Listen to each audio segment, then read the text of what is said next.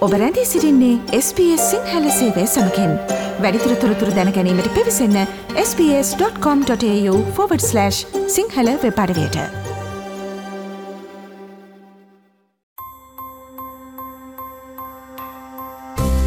මේ SBS ගුවන්විදුලියේ podcast විකාශයයි. ඔස්ට්‍රලියාවේ ස්ථාපිතවීමේදී ඔබට අවශ්‍ය තොරතුරු සිදුවීම් සහ කතාංග සිංහල භාෂාවෙන්. ඔස්ට්‍රලියාවේ සාපරාදී වැරදි කරන වැඩිහිටියන් කළමනාකරණය කිරීම සිදු කරන්නේ ඔස්ට්‍රලයානු අපරාධ පද්ධතිය මගින්. නිවැරදි කිරීමේ පහසුකම් යනු අයකු අපරාධ වර්ධකට වැරදිකරු වූ විට ඔවුන්ගේ දඩුවම නියම කරන ස්ථානයක්. එමෙන්ම වැරදිකරුවන් හට පමණක් නොව ඔවුන්ගේ පවුල්වල පිරිස සඳහත් බන්ධනාගහර යනු නිවැරදි කිරීමේ මධ්‍යස්ථානවලට වඩා දරුණු ස්ථානයක් වශයෙන් සැලකිය හැකි වනවා. මෙවර සැටල්මන් ගයි තුළින් නවධනය යොමු කරන්නේ ඔස්ට්‍රලයාාවේ වැඩිහිටි නිවැරදි කිරීම සහ බන්ධනාගාර පද්ධතිය ක්‍රියා කරන ආකාරය පිළිබඳව. ඔස්ට්‍රලයාාවේ නිවැරදි කිරීමේ පහසුකම් එකසිය පහලවක් තිබෙනවා. ඔස්ට්‍රලයාාවේ ප්‍රාන්ත සහ ටෙරටරිවල්ට අපරාධ සඳහා යුක්තිය ඉටු කිරීම සහ බන්ධනාගාර පද්ධති පාලනය කිරීම සඳහා ඔවුන්ගේම ක්‍රමවේද පවතින නමුත් ඔස්ට්‍රලයානු බන්ධනාගාරවලින් දලවශයෙන් සියට අසුවක් පමණ මධ්‍යම රජය මගින් පාලනය කිරීම සිදු කරනවා. බන්ධනාගාර ජනගහන පිළිබඳ දත්ත රැස් කිරීම ඔස්ට්‍රලයානු සංඛ්‍යාලයකන කාර්යංශය මගින් සිදු කරනවා.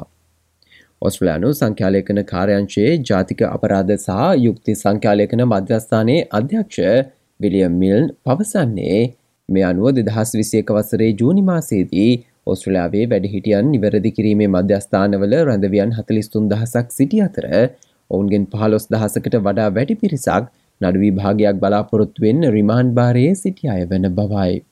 In June 2021, we had 43,000 prisoners in the adult corrections system. And of those, just over 15,000 were on remand awaiting trial. 92% are males versus 8% females. On average, sentenced prisoners spend three and a half years in prison. And for those on remand awaiting trial, that's 3.4 months. එමෙන්ම ආදිවාසී සහ ටොරස් සමුද්‍ර සන්ධි දූපත්වැසියන් සම්බන්ධයෙන් ගත් කල ඔවුන්ගේ ස්තිරගත කිරීමේ අනුපාතය අසාමාන්‍ය ලෙස ඉහළයාගයක් ගන්නවා. William පවසන්නේ කම්පන තත්ත්වයන් සහ විවිධ හේතුන් මත බොවුන්ගේ ස්තිරගත කිරීමේ අනුපාතය සෙසු ඔස්ට්‍රලයානු ප්‍රජාවලට වඩා දසගුණයකින් ඉහළයාගයක් ගැනීමත් සිදුවන බවයි. We found that the rate of total persons in the prison system was 214 adults per 100,000 adult population. And if I just take the Aboriginal and Torres Strait Islander community, we're looking at 2,412 Aboriginal and Torres Strait Islander adults in the system per 100,000 Aboriginal persons. So it's about 10 times the rate of the average population. පුද්ගලයකු අත්අඩංගුවට ගත් විට එම පුද්ගලයාව යම් තක්සේරුවකට ලක්කිරීම සිදුවනවා. නිවසත්වස් ප්‍රාන්තයේ මෙට්‍රෝවෙස්ටහි භාරකාර අධ්‍යක්ෂ එමාස්මිත් පවසන්නේ ත්‍රස්තවාදීන් වැනි බරපතල වැරදිකරුවන් හට ඉහළම ආරක්ෂක වර්ගීකරණයක් ලැබෙන බවයි. එමෙන්ම විවිධ වැරදිකරුවන් සඳහා ඔස්ට්‍රලියාවේ උපරිම මධ්‍යම සහ අවම ආරක්ෂක මධ්‍යස්ථාන පවතින අතර වැරදිකරුවන් අත්තඩංගුවේ සිටින්නේ කුමක් සඳහාද ඔවුන් වැරදිකරුවන් වී තිබේද නැතහොත් ප්‍රමාන් භාරයේ සිටිනවාද යන්න තීරණය කිරීම සිදු කරන බවත් එමා පෙන්වා දෙනවා.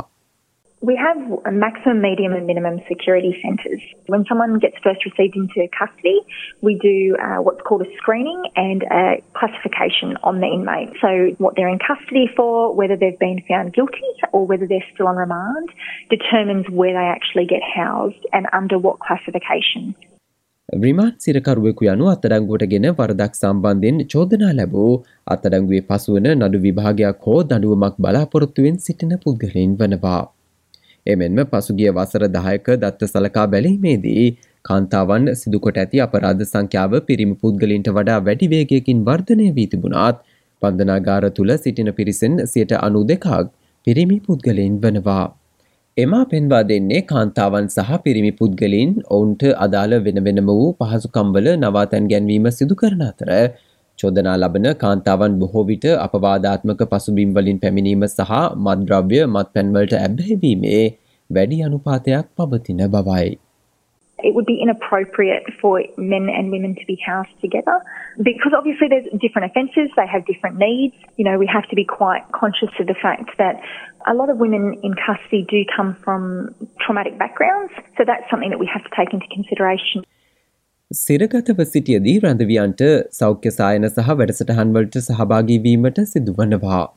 එමෙන්ම රැඳවියන් බන්ධනාගාර පහසුකම් නඩත්තු කිරීමේ ඉංජිනේරු මුද්‍රණ හෝ බන්ධනාගාර සාපුවනි තමන් රඳවා සිටින මධ්‍යස්ථානයේ කර්මාන්තවල වැඩ කිරීමද සිදු කළ යුතු වනවා. An inmate that's on remand isn't required to work, but they are usually afforded the opportunity. However, sentenced inmates do work. So each correctional centre might have different industries as such to work in. Some of the areas that they might work in would be hygiene, the cleaning of the area, kitchen, and maintenance. And other areas that some centres have are bakery, print, engineering, buyouts, which is like a shopping centre that inmates can buy different items from. ඇතැම් රැඳවියන් හට පූර්ණ කාලීන සිරදනුවම් ලබාදී තිබෙනවා. එයින් අදහස් වන්නේ ඔවුන් බන්ධනාගාරයේදීම ඔවුන්ගේ මුළු දඩුවමම ගෙවන බවයි. නමුත් රැඳවියන්ගෙන් විශාල සංඛ්‍යාවකට බන්ධනාගාරයෙන් නිදහස්වීමට නියමිත දිනට වඩා පෙරදිනයක් ලබා දෙන අතර ඔවුන් සමීප අධීක්ෂණයක් යටතේ සමාජයට නිදහස් කරන බව එමා පවසනවා. එමෙන් මෙය රැඳවියන්ට යහපත් සහයෝගයක් වන අතර මේ ඔස්සේ ඔවුන්ට සමාජය සමග නැවතත් ඒකාබද්ධවීමට ඉඩ සලසන බවත් එමා පෙන්වා දෙනවා. The parole allows supervision, so an inmate might have a shorter period of time where they go out into the community and they're closely supervised, where they may have to check in with the parole office depending on what their needs are. It's a really good opportunity for inmates to have that support and for the community wellbeing to know that they are being monitored and it allows that reintegration during that time. යම් අයෙකුගේ පවුල් සාමාජිකයෙකු රඳවාගෙන සිටින ස්ථානය සොයා ගැනීමට අදාළ ප්‍රාන්තේ ඩිපාර්ටමට of කරෙක්ටව services නොහොත් විශෝධන සේවා දෙපාර්තුමෙන්තුව හා සම්බන්ධවීම ඔස්සේ සිදු කළ හැකි. නමුත් ඔබ බන්ධනාගාරකතව සිටින කෙනෙකු බැලීමට පූර්ව අනුමැතිය ලබාගත යුතු වනවා. සෑම බන්ධනාගාරයකම දුරකතනය ඔස්සේ කාලය වෙන් කරවා ගැනීමේ සේවාවක් පවතින අතර එමගින් ඔබට පැමිණීමේ වේලාවන් සීමාවන් සහ ඇඳුම් අවශ්‍යතා පවා දැනුම්දීම සිදු කරනවා. you would call that correctional centre's visit line and make a booking with that inmate, assuming that there's no restrictions in regards to the visits. And that visits line would tell you when the visits are, what availability they have, and what their requirements are whether they have visits in the morning or on specific days and specific hours and what the dress requirements are and how to go about that so it's a seamless process when they get here. ස්වේච්ඡා සේවය නියුතු නාඩියා සිරගත වූ ආදරණීයන් සිටින පුද්ගලින් සඳහා online වේදිකාවක් වන බාස් බිට්වීන් පිහිටුවා තිබෙනවා. බාස් බිට්වීන් යනු එම තත්වේ සිටින පුද්ගලින්ට දැනිය හැකි ලජ්ජාව අපකීර්තිය සහ හුද කලාව තේරුම් ගන්නා ස්වේච්ඡා සේවකයන් විසින් පවත්වාගෙන යනු ලබන ආධාරක ජාල ලයිස්තුවක්. සිරගතව සිටින කෙනෙකුගේ චිත්තවේගිය හා මූල්‍යමය බර ඉසිලීමට බොහෝ විට ඔවුන්ගේ පවුල්වලට සිදුව තිබෙන අතර නාඩියා පවසන්නේ ඔබට සිරගතව සිටින කෙනෙකු සිටි නම් www.barsbetween.org වෙත ගෝස් ඔබගේ ප්‍රදේශය ඇති සේවාවන් මොනවාදයි සොයා බලන ලෙසයි. If you have someone in prison, find out what services there are in your area by going to www.barsbetween.org. Most of these are run by volunteers who are going through what you also might be going through. They are often the ones who are, are left to carry the emotional and even financial burden of somebody inside. Someone once said the person does the crime and the family does the time. It really feels like that. මද්‍රව්‍ය භාවිතය විරකියාව අඩු අධ්‍යාපන මට්ටම් සහ දුර්වල මානසික සෞඛ්‍ය පන්දනාගාරයෙන් නිදහස් කිරීමෙන් පසු නැවත වර්දක් කිරීම සඳහා අවදානම් සාධක වශයෙන් සැලකිය හැකි වනවා. ඔස්ට්‍රලයානු පලදායිතා කොමිෂන් සභාව අනතුරුදායක ලෙස නැවත වැරදි කිරීමේ අනුපාත වාර්තා කරන අතර ඔස්ට්‍රලයානු සංඛ්‍යාලයකන කාර්යංශයේ විලියම් පවසන්නේ සිරකනුවන්ගෙන් සියට හතලිස් හයක් පමණ වසර දෙකක් ඇතුළත නැවත වරදක් කිරීමේ ප්‍රවණතාවයක් තිබෙන බවයි. And that's saying about 46% of prisoners will reoffend within two years. We have a metric that shows prior imprisonment of those that are currently in prisons. We were showing around 60% had a prior imprisonment term, but that's not necessary within the two years. That could have been longer term. යමෙකු බන්ධනාගාරයෙන් මුදාහැරීමෙන් අනතුරුව ඔවුන්ට පවුලේ සහයෝගය අවශ්‍ය වන බවයි නාඩියා පවසන්නේ.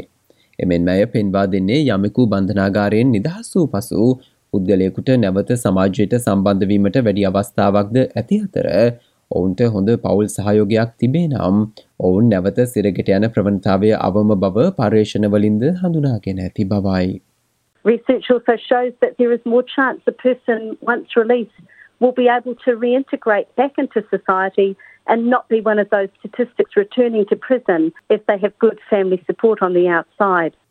SBS හි නව වාර්තා වැඩසටහන් මාලාවක් වන ලයිෆ් on the outside යනු බන්ධනාගාරයෙන් නිදහසුවන් නැවත වරදක් සිදු කිරීමේ අනුපාත නිරාකරණය කිරීම අරමුණු කරගත් වාර්තා වැඩසටහන් මාලාවක්.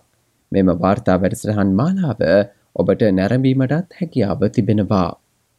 අද මෙම සෙටල්මන් ගයිඩ් ගුවන් විදිලි විශෂාන්ගෙන් අපි ඔබ වෙත ගෙනා තොරතුරු කියවා දැන ගැනීමට හැකිවන පරිදි වෙබ්ලිපියක් ආකාරයට දැනටමත් අපගේ වෙබ් අඩවියේ පලකොට තිබෙනවා. ඒ සඳහා www.sps.com.tu/ සිංහල යන වෙබ් අඩවියට පිවිස එහි ඉහලින් නැති මාතෘකායන කොටසට පිවිසන්න. ඒ SBS ගුවන් විදිලියේ පොඩ්කාස්ට් විකාශයයි. ඔස්ට්‍රේලියාවේ ස්ථාපිතවීමේ ක්‍රියාවලේදී ඔබට අවශ්‍ය කරන වැඩිතුර තොරතුරු දැනැනීමට පිවිසන්න ps.com.ta/ සිංහලස්. ලයි කරන්න ෂයා කරන්න අදහස් ප්‍රකාශ කරන්න SBS සිංහල ෆස්බුක් පිටුව ෆලෝ කරන්න.